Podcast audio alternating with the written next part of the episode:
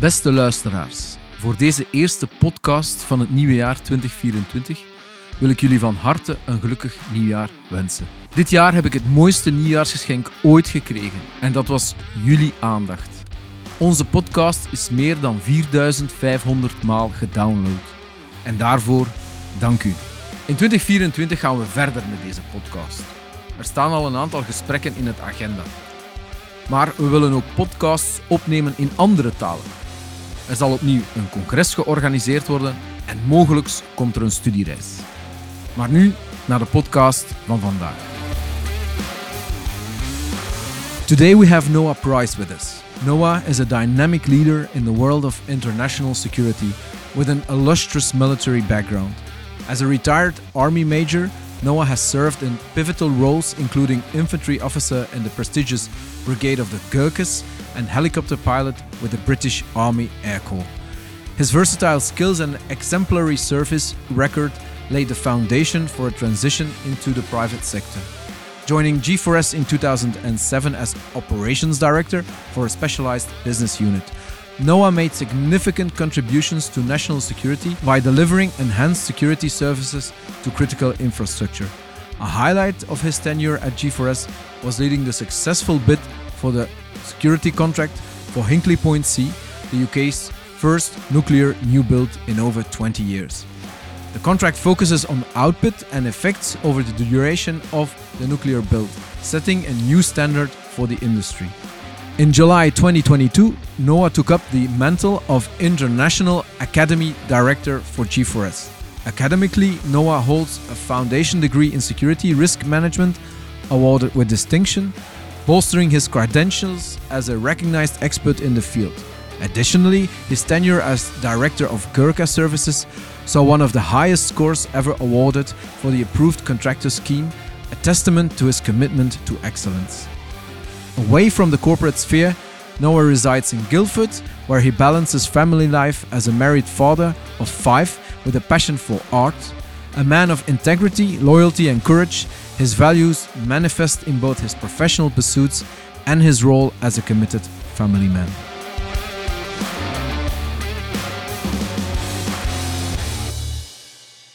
Dear Noah, it's a privilege and an honor to have you on our podcast.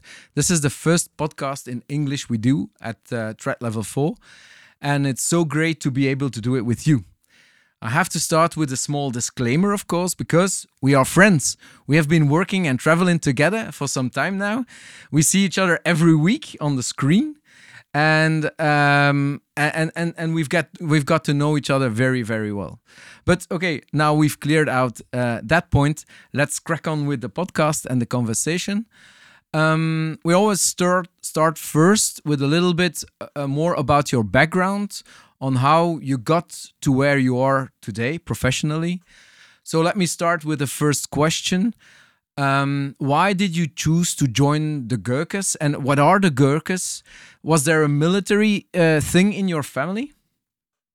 Well, first of all, thanks, Yannick, for, for having me. I'm, I'm truly honoured to be the uh, the first um, English version of your your very popular podcast series. So, yeah, that's a great question. What are the Gurkhas? Why did I join? Um, did I come from a military family? So, first of all, what are the Gurkhas? The Gurkhas are um, Nepalese soldiers who swear allegiance to the British Crown, and they are very much um, a firm part of the British Army. They've served for the British Army for the last 210 years now, nearly. Um, and it's a really, really interesting story how the Gurkhas came apart, came to be a part of the British Army.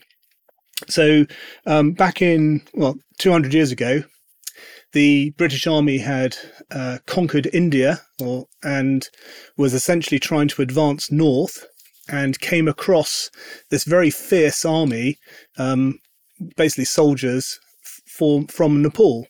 And uh, nobody was winning. It was pretty much a stalemate. And the um, British officers recognized the fighting prowess of these Nepalese soldiers and got together with the their equivalents from the Nepalese side and said, "Look, this is ridiculous. Why are we fighting each other? Let's become friends." and essentially they shook hands in the battlefield.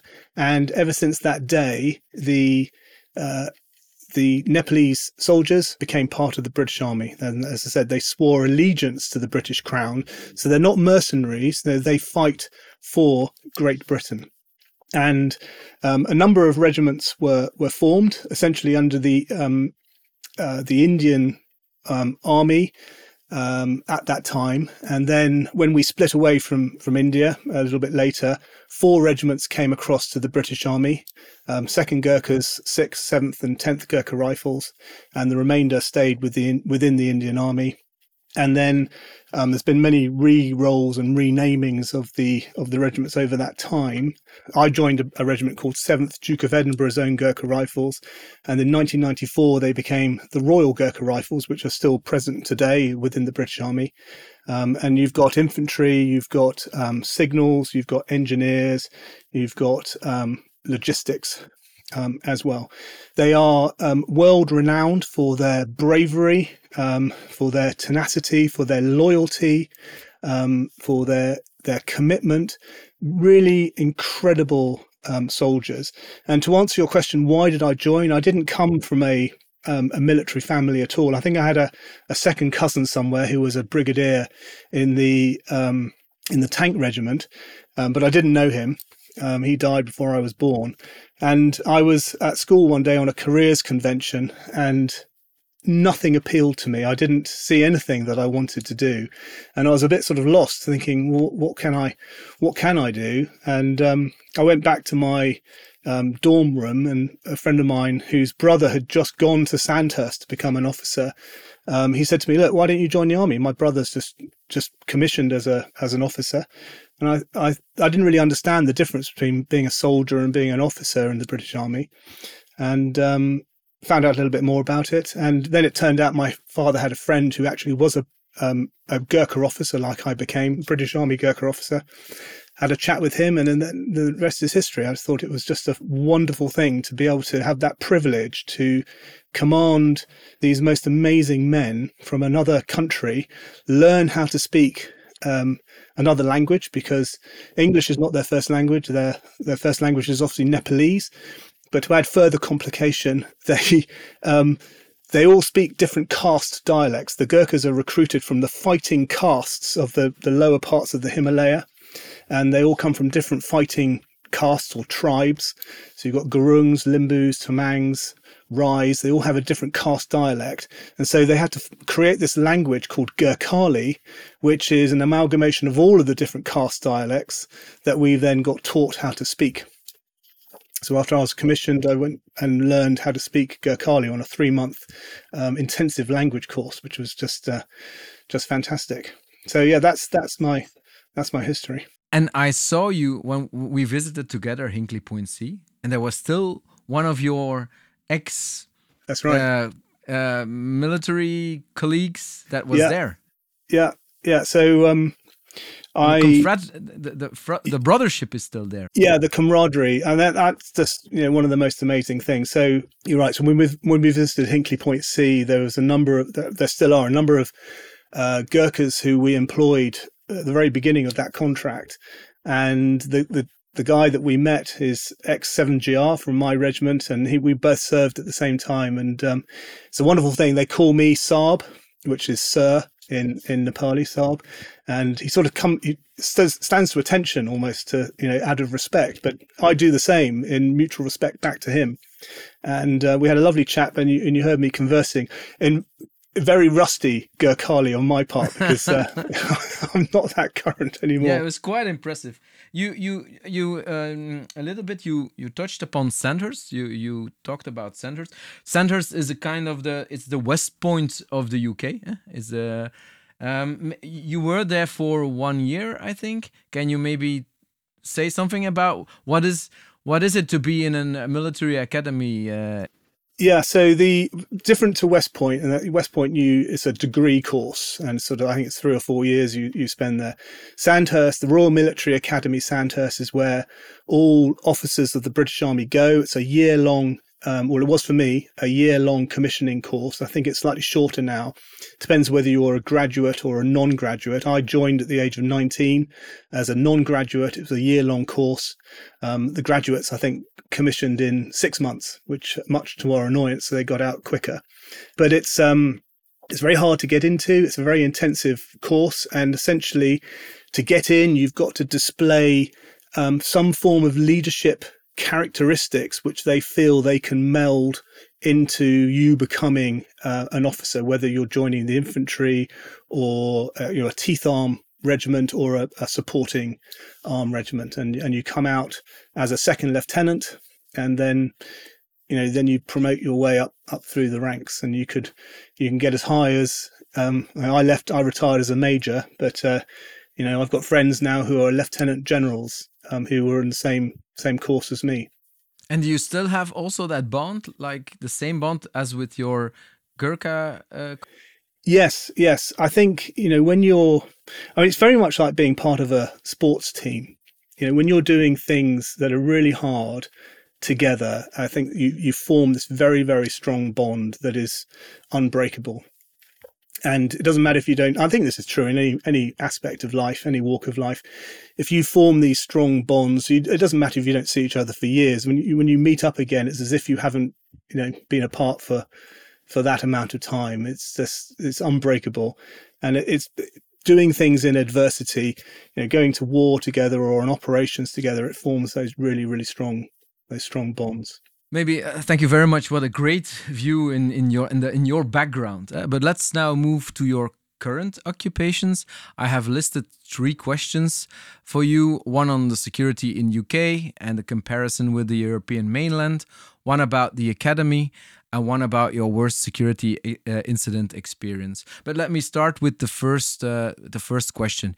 You have a ton of security experience and you have done some traveling. We've done some traveling together between Europe mainland and UK.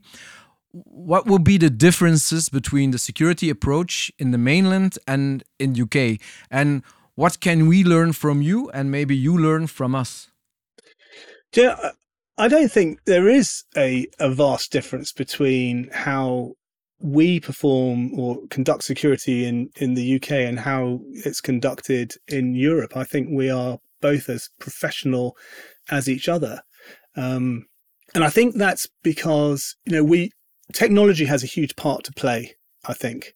And you, you and I both know that technology is an enabler. Um, it's not a replacement. And Europe is as technologically ab- uh, enabled as as we are in in the UK, and you know I think there's a healthy competition in terms of how we innovate with uh, evolving technologies and um, adapt those to become more uh, efficient in what we do. And it's not just about you know, finding a piece of technology and having to implement it. We can also develop procedures as well that en- enable us to become more proficient. So I really do think there's a healthy, um, a healthy brotherhood of competition between both both regions where we're learning from each other but i wouldn't say one is better from than the other at all um, it, and, you know we we we pivot off each other to constantly better um, ourselves so and, i don't think there's any real um, difference in terms of how we how we perform or how we go about um, different things. I'll be interested to know what your your view is of that. Looking at the other, looking at it from the other way. You you talked about technology. What what is your your view on the future? Um, will AI be of more importance, uh, or is it just um, a, a, a, hype that's passing? Uh, what is your point of view? I'm really excited about uh, AI, as I know you are. It's interesting when you look back at when the internet was invented, was that 20, 30 years ago? I don't know. Everybody was going, oh, that's the end of the world. You know, all our jobs are, are over. Um, the internet's now appeared. And if you look at how people have truly mastered the internet, I would say it's only like 10, 15% people who really know how to create a very customized, well crafted Google search, for example. And I think the, the same is true of AI. People are, are scared of it and they think it's going to take over our jobs and, um, and so on. But I think a very, very small percentage of people really understand how to get the best out of AI. And I also think that AI will absolutely revolutionize um, security in the future. Um, AI has been around for quite a while in video analytics, for example, um, and you know, looking at large data sets and finding patterns and meanings and correlations within those data sets. But it's coming back to what I said um, earlier. It's it's an enabler. It will enable us to become more efficient, and if used correctly, to free up um, headspace, um, manpower for manpower to be able to do that job better. We will always need boots on the ground. Um, you know, we know we need we need to be able to detect, to delay, and to respond, and it will create more ability to respond, respond better. It will assist in detection um, better. It will assist in analyzing what we have detected, ultimately keeping us safer and, and enabling us to become more efficient. So it's a really, really exciting um, era that we have entered into. And I think about, you know, my father or, you know, our parents who grew up in an era where this, this technology wasn't around. And you know, I wonder what our children will, will be thinking when they're our age and you know, what technology will be like then. It's just going to be fascinating. Yeah, me too. I'm, I'm really I'm really very positive, and I, I really think it's a it's a force multiplier. Also, it will help us to do more and and get a, a safer a safer uh, society. Now uh, let's come back to uh, your current job. You are the International Academy Director for G4S. Can you tell us a bit more about the academy? Is it is it a school? Uh, what what do you do there? Yeah. So when, when people hear the word academy, people often jump to, in their brain to thinking it's a physical location of, of a of a school. Um, so it, it is in a, in a way we are a, a very specialized learning and development function within our business, and it's best described as a network or even a network of networks. We harness the the brightest minds from across our business and pool together, aggregate together all of this wisdom and expertise from these bright minds around the business, whether they are um, experts in um, a particular part of security or a product or a niche part of product or category of products, or whether it's from a, a sector like you know construction or finance um, or critical national infrastructure, or whether they possess um, specialisms in a particular business function like HR or AI, as we've just spoken about. And it's bringing together all these brilliant bits of information and um, bits of wisdom and expertise and harnessing that that's the, the skill harnessing that wisdom that um, that knowledge and we collate it and we we sort of then spread it back out um, to our business, to the, everyone within our business, no matter what, what part um, they're from, whether they're in sales, operations, uh, HR, marketing. And we also use it um, for our customers to add value to uh, our customers. And so it can be thought of as a differentiator um, or a, a, catalyst. And you, you, you've, you've spoken about it being a catalyst. Yeah.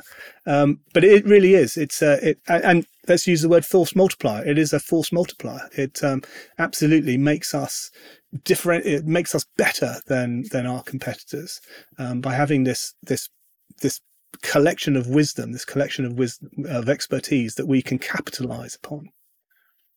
Um i want to come back also to our visit to hinkley point c. That was really impressive um, and when we were, or during the visit, one of the things that you wanted to show me was a corridor uh, where um, security is present, security of G4S, but also security of the customer, which is EDF, uh, Électricité de France, uh, who is building that uh, new nu nuclear plant in, in, in, the UK. And uh, what was very um, impressive was they put out a poster of a partnership agreement or declaration. I a charter, yes. Um, and you told me, yeah, this is really the base of our new way of working and of also the innovation and the setting the standard for security industry as a as a as a total because that charter was so important in creating that partnership which now gives the possibility to deliver novelty innovation etc in security. Can can you maybe talk about that? Yeah it, so it's worth this for context explaining perhaps how security is done in my view mostly everywhere in that you as a as a security provider we are what we got quite often get told what to do by the customer um, and we call that an input specification so you get a direct um, a directive saying we want X amount of security officers, we want X amount of cameras, we want this type of access control, and it leaves very little to our imagination. We are the security experts, but we can't really exercise our expertise because we are delivering against an input specification. Um, when we uh, contracted with um, EDF Nuclear New Build, um, we got together and we decided that we didn't, we collectively, not just us, but together as a as a team, we didn't want to do that. We wanted to um, solve the problem against an output specification. So we asked EDF NNB what outputs they wanted rather than the inputs. So they told us the outcomes and the outputs they wanted and left it down to us within certain freedoms of, of maneuver, be that um, geographical or um, financial, how to solve the problem. And therefore the the expertise is coming from us and we're working in partnership with the customer and in order to achieve that we had to create this um, partnering charter which essentially lays down the, the the dna the blueprint into which, how we operate together in in partnership. So we're not treated as a as a commodity as a commoditized supplier. We're treated as a tier 1 expert at their table and they understand that they don't have all the answers in security. We do uh, but you know obviously we don't have all the ex- answers on how to build a nuclear power station. They do. So it's this wonderful partnership but it, it's fostered on um, on trust ultimately and that's what the partnering charter is all about but it absolutely enables us to innovate properly and and be agile. And when you know we spoke about technology earlier, technology is, as we know, is rapidly evolving. So as let's say a new piece of technology comes onto the market that we feel would benefit the customer, we have the ability to bring that technology on board and maybe make a, a, a cost saving um, to the customer rather than being tied in to a a, a very um, restrictive contract that doesn't allow us to to innovate. So it, it, everyone gets the best of, of, of, all the worlds with this kind of uh, approach. Um, but sadly, it is not it's not commonplace in the security market, and I'd like to see more of it because it, in my mind, it absolutely is the right way to to operate.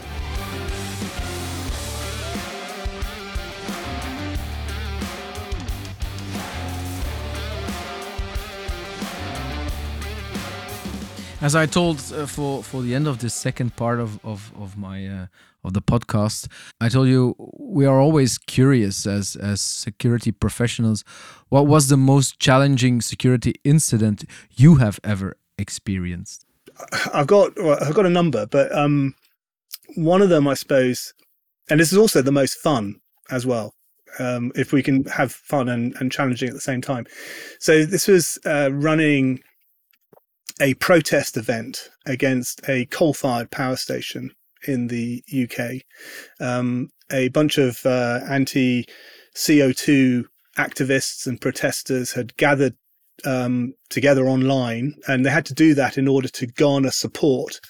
And they were using um, open source websites to gather momentum and um, attract lots of protesters um, to attack this coal-fired power station, and they had published the, the the date of when they were going to attack, and they had published maps and plans. A lot of disinformation, and this is this also speaks to the insider threat because obviously they're getting this information somewhere from the inside, but they were getting things slightly wrong. But the challenge was to keep the the customer wanted to keep the power station running throughout the protest, which is the, the advice we gave them, because if they had shut the power station down, the, the protesters would have won by virtue of the fact that they announced they're going to protest. Power station shuts down. You can imagine that they'll be doing that across all kinds of different industries and different um, uh, power stations. So we had to keep it running. And um, we had this is the, at the time when I was um, leading a an enhanced uh, business unit, um, primarily made out of uh, retired Gurkha soldiers at the time and we had 60 uh, Gurkhas, uh, 30 on a day shift, 30 on a night shift, to essentially secure a very, very large piece of critical national infrastructure. And had the any protesters managed to cross the wire and get to any critical components within that power station, the power station would have shut down. And the impact to the customer would have been a million pounds loss of profit a day, which is just huge. And it was a real challenge to, and this is why I find it fun as well, to really exercise our creative brains and work out how we could capitalize on the misinformation or disinformation that the protesters had and turn it into our advantage, yet make them think they had the advantage, and to really make clever use of the ground, clever use of um, what what I would call military tactics, but now translated into civilian tactics, and ultimately mislead the protesters to think that they had the advantage when all the time we had the advantage, and draw them into areas of our choosing. And ultimately, we worked very closely with with the police, um, and it turned into one of the largest police operations of that year. Um, the police only intended to supply around about 20 uniformed officers and they ended up supplying about 180 by the heat of the uh, the protest uh, it was over a weekend but we had a whole build up of operations up to that point um, but it was just um, amazing how we all co- uh, cooperated together and um, the protesters didn't get in at all and um, it was just an amazing success. But that was the challenge to optimize the effectiveness of a very very limited resource, which can be done if you if you think laterally, um, employ things like deception, and that was one of the one of the winning tactics. Um, without sort of uh, giving too much away, we used, um, for example, shop bought mannequins. So the kind of things you see in a shop with a you know dressed up in a shop window. We bought a whole load of those and put them out at last light in strategic positions around the power station. At the same time, keeping the protesters a good distance away by deterring them. And um, they were observing us, but thought that our number was far larger than 30 at night or 30 by day because they saw all these other positions with in high vis in in poses holding binoculars or holding a radio but they were just dummies um, and that's just one of, of many little um, deception tactics. What a compelling that, that story! Yeah, yeah, wonderful. Yeah. Thank you very much for sharing that. What a compelling story. Um, in the third part of our podcast, uh, we always uh, ask some questions to our guest, and just to get inside his head and learn about some issues um, in on, in the world of security. Um, and uh, the three questions we ask is the first question is um, which person, group, association, or company would you like to protect or save or secure particularly? Is there a group that deserves more security or more protection?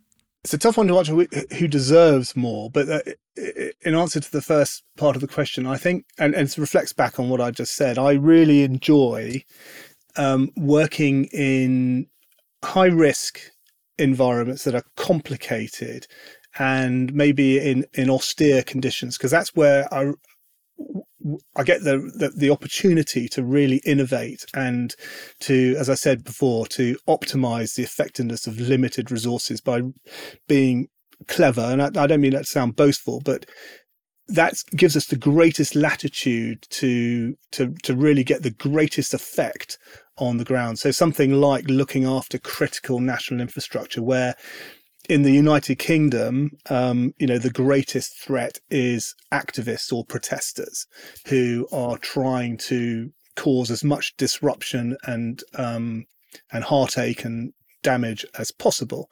And yeah, so that would be my answer, whether it's in the United Kingdom or, or anywhere against uh, against the clever foe or, or adversary or threat actor that is trying to outmaneuver us, but I get an immense amount of satisfaction of outmaneuvering them, but at the same time letting them think that they're winning, but they're not, and then we win ultimately. And the other way around, do you think conversely, uh, are there persons, groups, associations, company that you don't want to protect, that where where you think that they don't need security or they don't deserve security?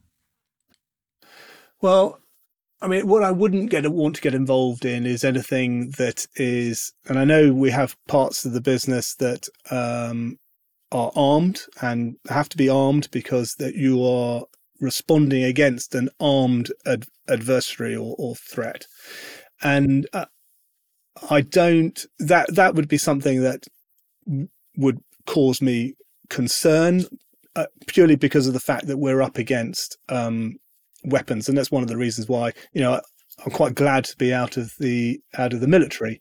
And so I think when you've got a, a, an unstable uh, threat, and as we start to move into counter terror, you know, you're you're dealing with um, a, an adversary who has is maybe prepared to to die for their cause or, or to cause mass um, harm and and destruction and you know that is uh, we've got to think very carefully about how we um, how we deal with that. I'm not saying that we we don't want to deal with it, but we have to be very very carefully. So think about it very very uh, carefully. And to your point about who doesn't deserve security, I think you know it, if you have a a client or a customer who is who doesn't listen and want to take on our expertise and knowledge and thinks that they know all the answers.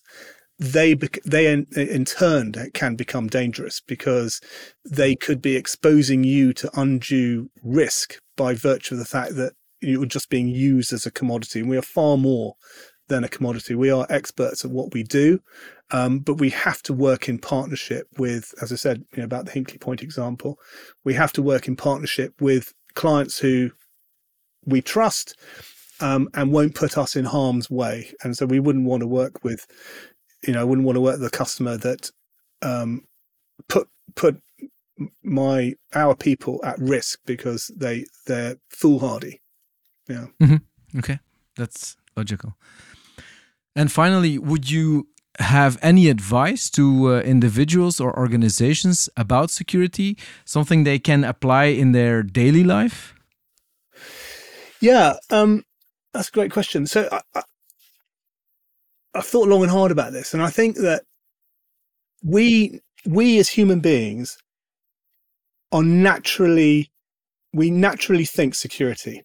If you think about your anyone thinks about their own home, we have designed our own homes to deliver those three critical effects of detect, delay, respond. You know, we have camera systems or maybe even even a gravel drive is a detection mechanism because it tells you that somebody's walking on the drive you can hear them or security lights or or whatever it is.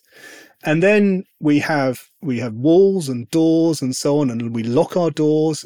So we have a delay mechanism and you know we have a response mechanism. In my house i'm i'm well in fact my our dogs are the first to respond and then i'm i'm next in the line of response and then it's my wife and you know.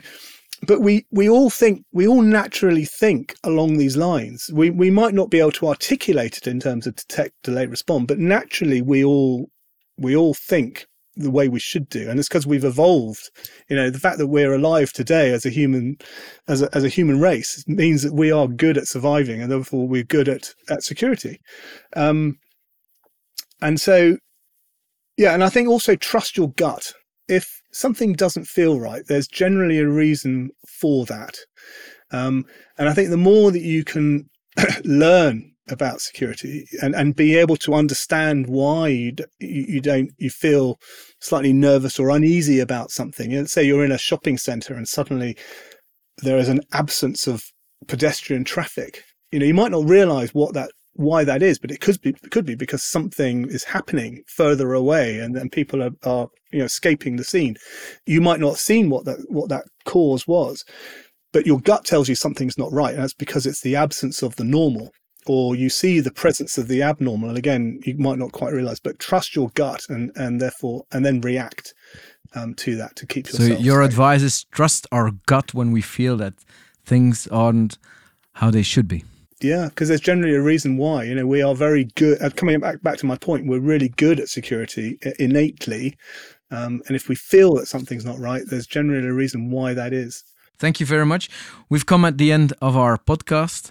Uh, thank you very much for all the great stories. As I mentioned it, it's that is the the idea of our podcast is to do storytelling and to have insight in how people that protect us have built up their career and are doing it right now. So thank you very much for being on this podcast and uh, see you next Monday then. My pleasure. Thank you very much for having me. Thank you for tuning into Threat Level 4. Today, we had the pleasure of hosting Noah Price delving into his extensive professional journey and gleaning valuable security insights.